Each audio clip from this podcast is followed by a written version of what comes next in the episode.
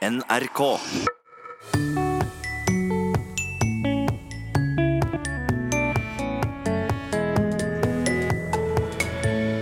Vi gjør et lite dykk i arkivet til Språkteigen i dag, og jakter bl.a. på meninga med prikkene. Jeg eh, prikk, prikk, prikk. Så meg om. Prikk, prikk, prikk. Hva vil vi med dem? Noe positivt? Noe negativt? Eller hva? Og du får en liten oppfordring. Jeg syns at folk skulle gå ut, eh, lytte til seg sjøl litt når de snakker, lytte til andre, og rett og slett oppdage pulsslagene i det norske språket. Men hva er egentlig pulsslaget i språket vårt? Vel møtt til Språkteigen. Ja, vi henter altså fram igjen et knippe saker til gjenhør i Språkteigen i dag. Og starter med et lytterspørsmål fra i fjor sommer. Da skrev Randi Tangvik Tellefsen at hun hadde en liten diskusjon gående med sønnen sin om korrekt bruk av prikk, prikk, prikk. Han mente at en setning som avsluttes med prikk, prikk, prikk, betyr noe trist eller negativt, mens Randi mente at det indikerte noe åpent, ventende eller tenk videre sjøl. Og vi sendte spørsmålet til Sylfest Lomheim og Toril Oppsal. Ja, du, dette syns jeg var et veldig interessant spørsmål. For dette her er jo eh, det vi kaller for en ellipse.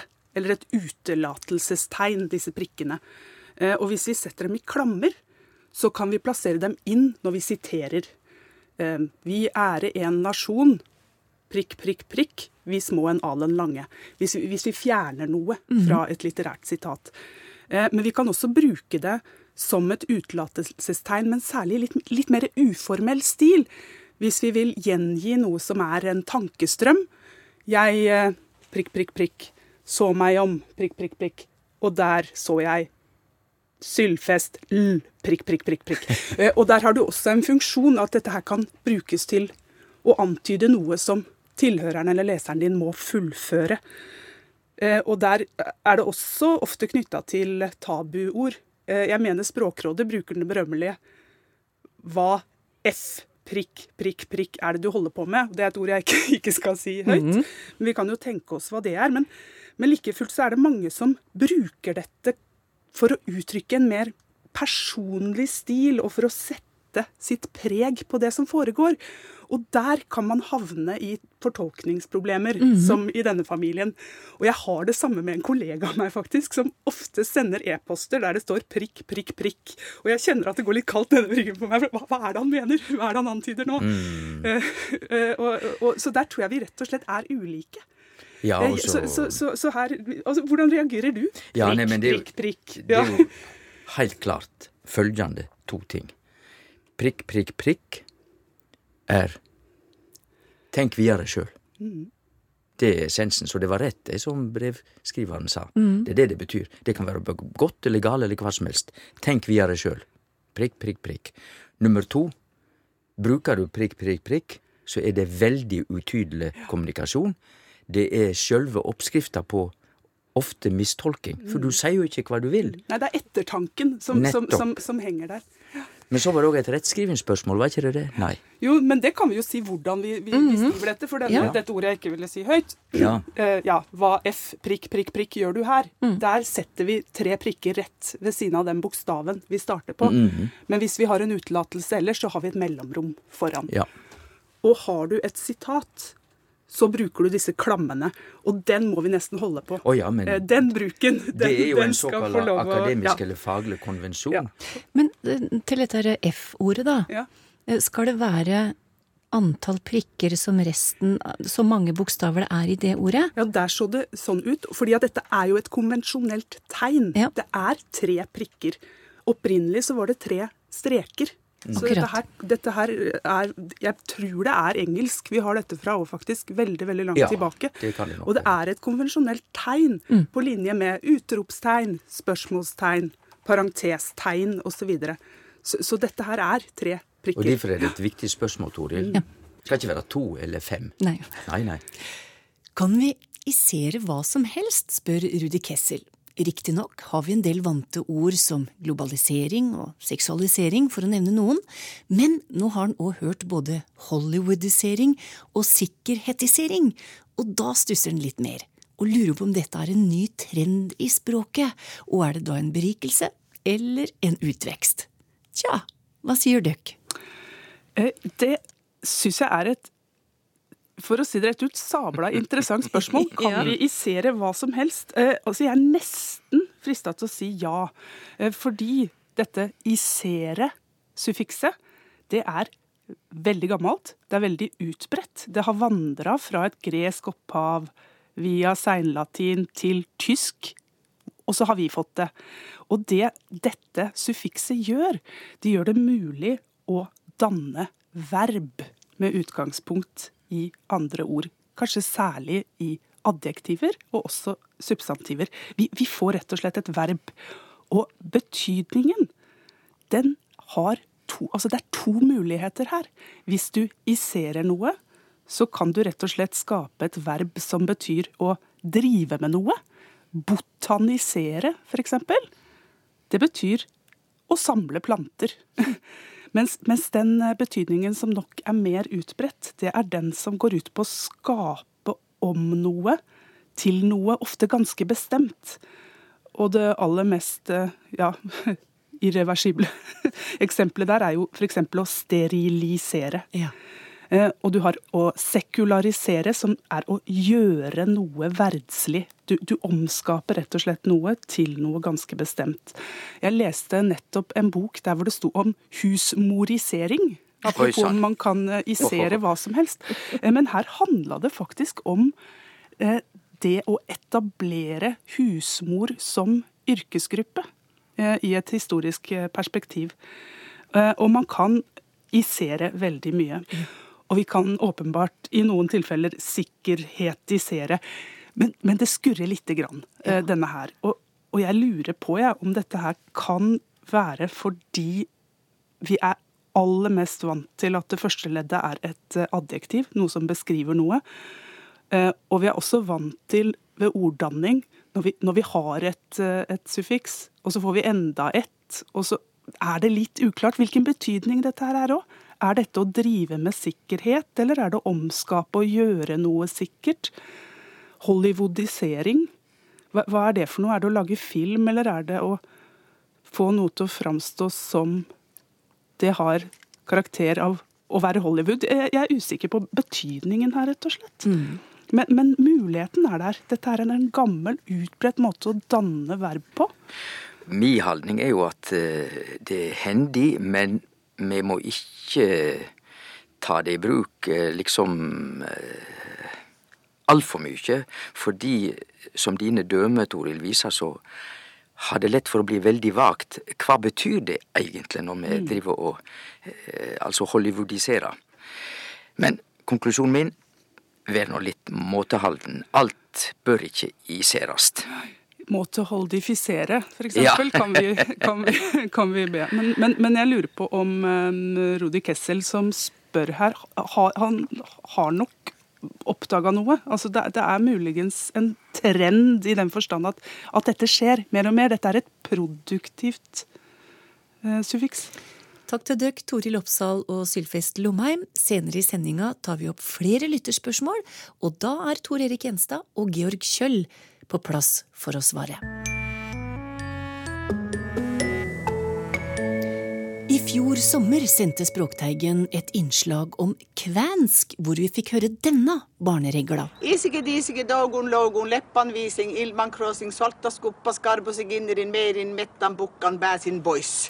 Det fikk Nils Langeland til å undres. Han tenkte at denne kan jeg jo. Men ved nærmere ettertanke så var det rytmen som var kjent. Regla han tenkte på, det var Ellinga Vellinga Vatlandsguten. Det må være noe med denne rytmen som har noe universelt ved seg, og som appellerer til barns rytmesans, skrev han. Så i fjor høst inviterte jeg språkforsker ved Universitetet i Stavanger, Jan Christian Hognestad, til studio, og sendte undringen videre til han.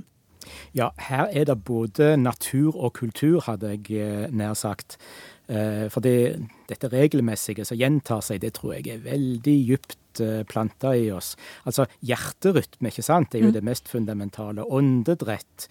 Uh, og så har vi uttrykket døgnrytme, ja. som egentlig både gjelder hva vi mennesker foretar oss, og hvordan naturen til en viss grad er innretta. Ja, så rytmen ligger der. Ja, han mm. gjør det, altså. Mm.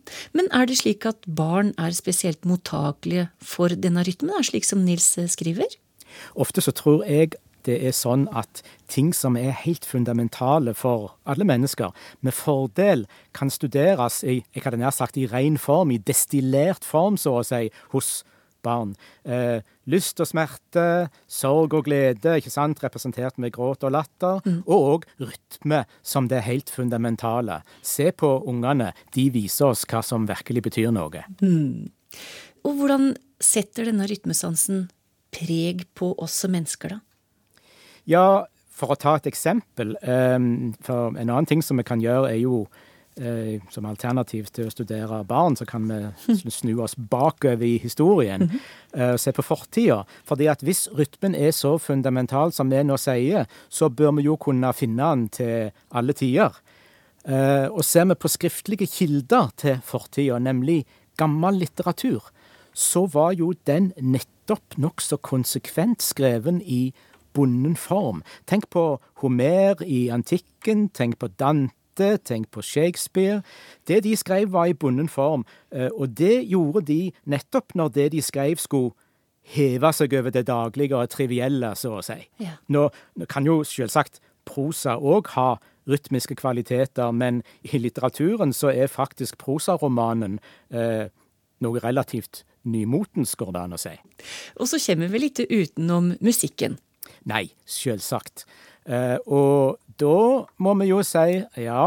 Og hvordan er den musikken som er mest populær blant folk flest? Jo, det er den rytmiske mm. musikken. Og det er ikke bare i jeg kan sagt, rockens tidsalder, for her kan vi gå fra kultur til kultur og fra tid til tid og finne akkurat det samme. Og så er det ikke noen nyhet at folk òg liker seg å bevege seg rytmisk til musikk. Mm.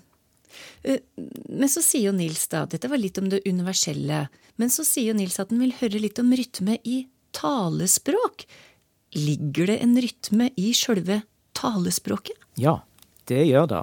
det. Og det er et eh, ganske interessant uh, emne. Nå må vi kanskje si at uh, noe av det vi har snakka om til nå, ja. snarere kanskje har vært takt enn rytme. Fordi at den rytmiske musikken, eksempel, den er jo ofte veldig sånn skjematisk taktfast.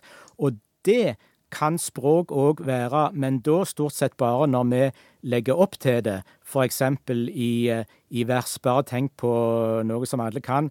Ja, vi elsker dette landet. Ikke sant? Mm. Det er rytme som er taktfast. Eh, den rytmen eh, finner vi ikke i talespråket. Nei.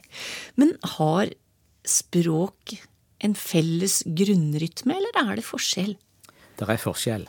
Eh, her er nok ikke språkforskerne helt enige, men en har tradisjonelt operert med to rytmiske grunntyper i språk. Og det tror jeg kan gi mening å snakke litt om i uh, vår sammenheng. Mm -hmm. uh, den ene typen, da tenker vi oss at uh, ord har stavelser inni seg, sånn at vår tale er egentlig en lang, lang rekke av stavelser.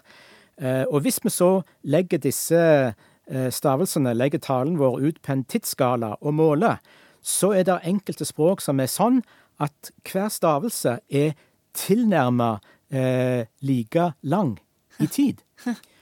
Og sånne språk sier vi gjerne har en stavelsesbasert rytmikk. Ja, Gjelder det norsk?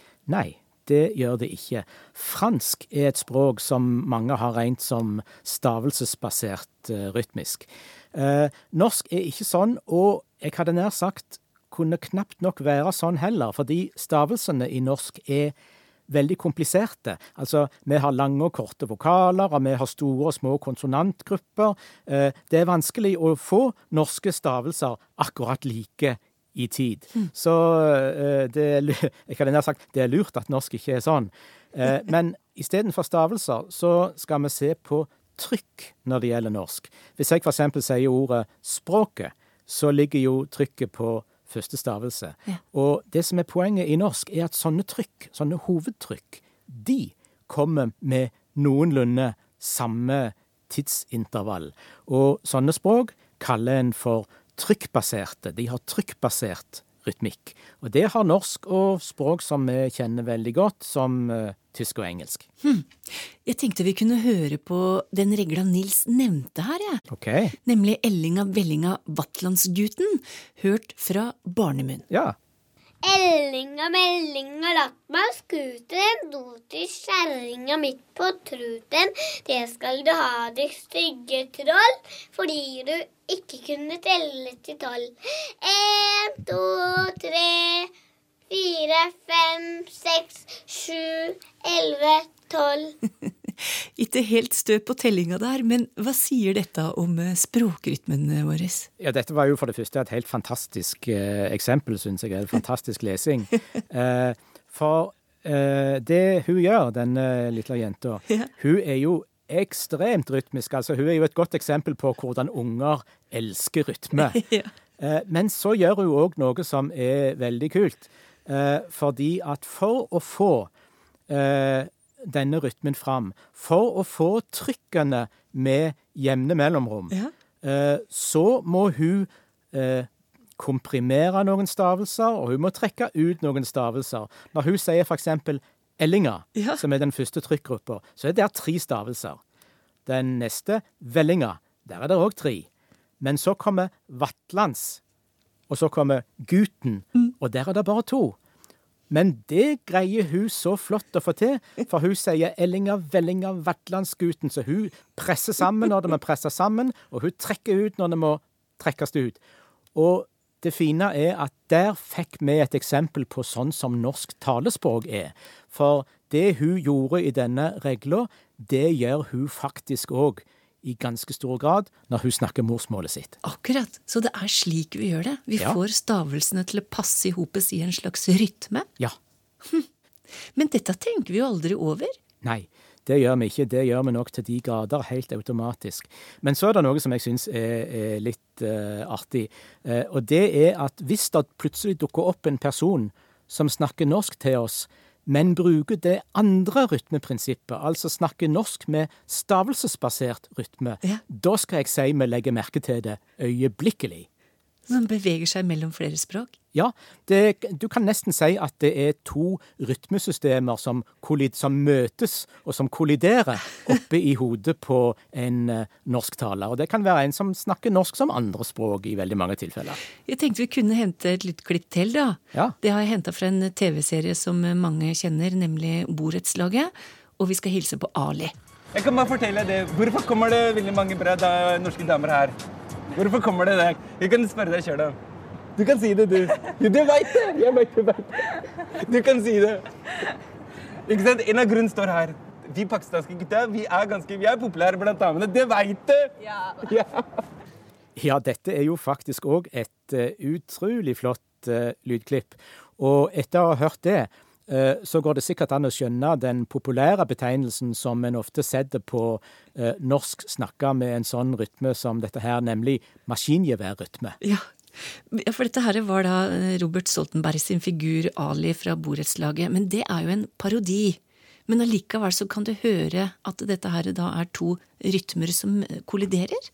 Ja, eh, et av mine språkforskertriks, det er faktisk av og til å be folk om å etterlikne enten en annen norsk dialekt eller norsk med en eller annen aksent. Og da kommer folk sine intuisjoner fram. Ja. Og da aksentuerer de gjerne noe som er veldig påfallende i den typen språk som de eh, skal etterlikne. Og det er jo det Robert Stoltenberg gjør så voldsomt flott her i eh, rollen som Ali. For han har lagt merke til denne måten å snakke norsk på, altså med stavelsesbasert rytmikk, med maskingeværrytme, og vips, så har vi det mest perfekte eksempelet på akkurat den rytmetypen. Så det vil egentlig si det at eh, vi har en slags følelse av denne rytmen sjøl om vi ikke helt klarer å sette ord på den. Ja, og så er, det, så er det som det så ofte er, at det bare er når det blir annerledes, når det ikke er sånn som vi er vant med at det er. Da legger vi merke til det. Da tenker vi at ah, rytmen er en del av det som, han, som gjør at han ikke eh, sannsynligvis har norsk som morsmål. Og det han da gjør, er å snakke med stavelsesbasert rytmikk. Jeg syns at folk skulle gå ut, eh, lytte til seg sjøl litt når de snakker, lytte til andre, og rett og slett oppdage pulsslagene i det norske språket. Ja, den oppfordringa kommer fra språkforsker Jan Christian Hognestad.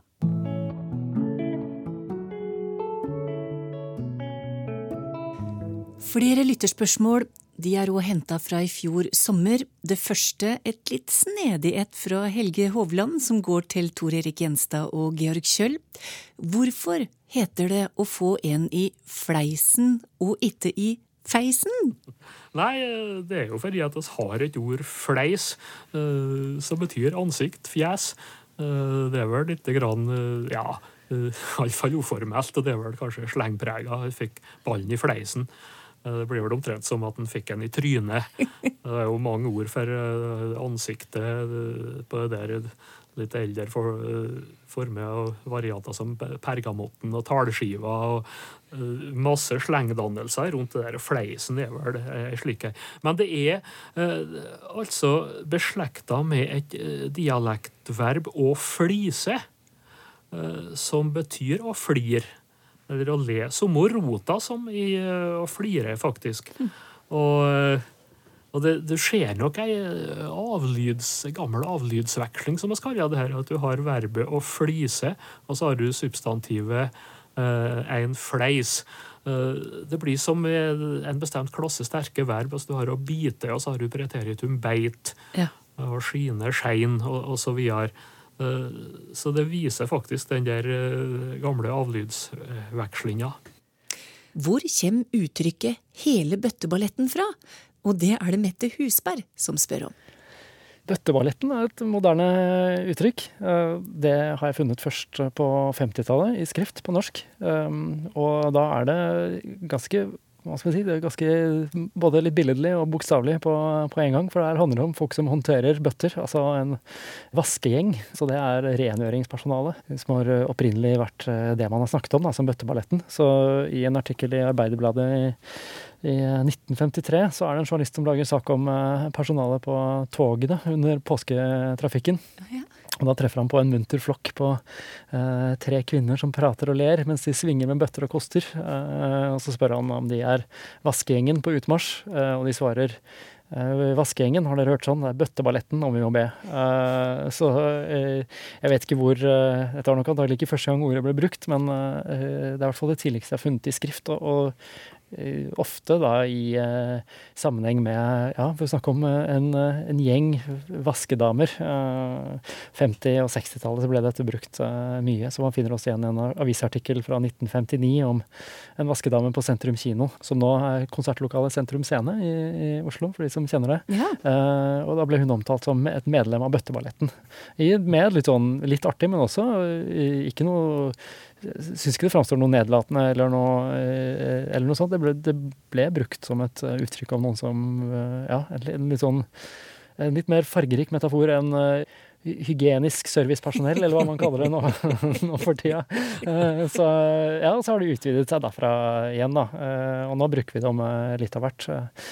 Ja, man, man kan snakke om alt man har av utstyr og, og pikkpakk, eller en hel haug med greier, som, som bøtteballetten nå om dagen. Men opprinnelsen er, er rett og slett bøttene og vaskekostene.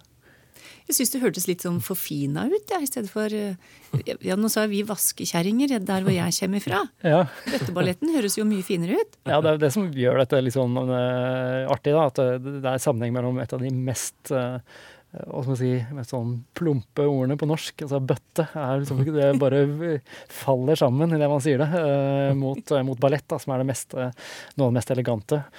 Eh, og så samtidig så trekker du på, trekker du på eh, de bevegelsene man gjør. Det er jo fysisk, to fysiske yrker, eh, det å vaske. eh, I hvert fall hvis man står med bøtte og kost, eh, og det å, det å drive ballett. Så det er en sånn fin, eh, fin sammensetning der. Så får man jo i tillegg denne alliterasjonen etter bokstavrimet som en, eh, som en bonus. Så ja, det er, det er et eh, litt sånn, eh, litt sånn schwung over det. Og så er det jo et annet begrep eh, som jeg kan skyte inn her, og det er bøttebrigaden. Oh. Mm. Det er jo egentlig noe annet. Det er jo et engelsk bucket brigade, og det var jo er om Hvis du tar situasjonen at det er en brann, og så står de på lang rekke og langer vassbøtter bortover. Ja, Eh. Det er bøttebrigaden. Men eh, helt tilfeldig eh, så jeg akkurat leser holder på å lese Marte Michelet og den største forbrytelsen om jødeforfølgelsene. Og der bruker hun en plass Bøttebrigaden om rengjøringspersonalet Oh, ja. i NSB. Så det, det kan kanskje skje at det her Bøttebrigaden eh, etter hvert får samme betydning som Bøtteballetten, selv om det egentlig er noe annet. Ja, nettopp. Ja. Og bøtte er jo også et ganske produktivt ord i andre sammensetninger. Eh, Vi har tidligere snakket om eh, ulike varianter av å være beruset. Eh, Det er det jo veldig mange av. Så man snakker om at man er bøttefull Ja, ja. På, på norsk. Og man kan også snakke om å ja, man kan fornærme noen og kalle dem en bøtteknott. Um, Ikke sant? Ja. Så særlig når man får bokstavrimet på toppen, så, så, så, så blir det en veldig sånn friskt og fint eh, uttrykk. Takk til døkk, Tor Erik Gjenstad og Georg Kjøll. I fjor høst sendte Språkteigen en liten serie om søm, design og språk. Jeg tenkte å avslutte dagens sending med et glimt fra den, og Sylfest Lomheim antyder tema. Det som vi skal brette opp, er ermene. Tusen takk for at du presiserte det, Sylfest Lomheim. Men for at arma skal kunne bevege seg naturlig, trenger de et riktig isatt erme. Jeg har lyst til at vi skal begynne på et vanlig isatt skjortebluseerme. Designer og sømmagiker Tine Solheim får det som han vil. Og det man snakker om, det er jo et isatt erme som du setter i eh, på toppen av skulderen, ikke sant? Men fra nå av blir det mer avansert. Både språklig og sømteknisk. Språklig har vi òg i dag med førsteamanuensis i fransk ved Universitetet i Oslo, Kristine Meklenborg Salvesen. Med forbehold om at jeg ikke er eh, på noe som helst eh, en eh, skredder. Det går fint, så lenge du kan hjelpe oss med det språklige. Og vi begynner i punktet der mote møter krig. Det ligger akkurat der sømma møtes i et raglanerme. Det kjenner jo vi fra strikking. Det fins jo også innen søm i et raglanerme. Eh, er det sant at det kommer fra en general?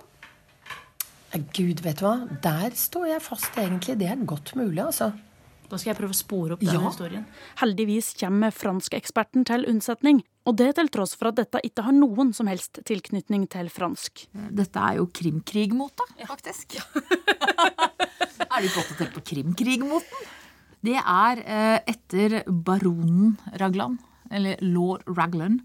Eh, og det var en frakk som var veldig på moten under krimkrigen. Og den hadde den type felling, altså som går på skrått fra armhulen og opp mot kragebeinet.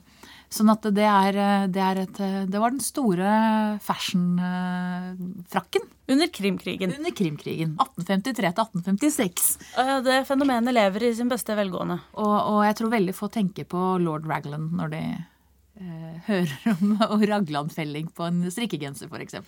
Alle bare donere noen tanker til lord Raglan neste gang, neste gang vi sitter og sliter med noen eh, masker som skal felles? Det syns jeg er eh, på sin plass. Å brette opp ermene må det hete. Å brette opp armene er jo egentlig en forferdelig fysisk tortur og nesten praktisk umulig. Tusen takk for en ny eh, presisering, Sylfest Lomheim. Førsteamanuensis i fransk Kristine Meklenborg Salvesen, designer Tine Solheim og reporter Helle Therese Kongsrud brakte oss rundt i verden i serien Søm, design og språk. Vi høres om ei uke. Ha det bra!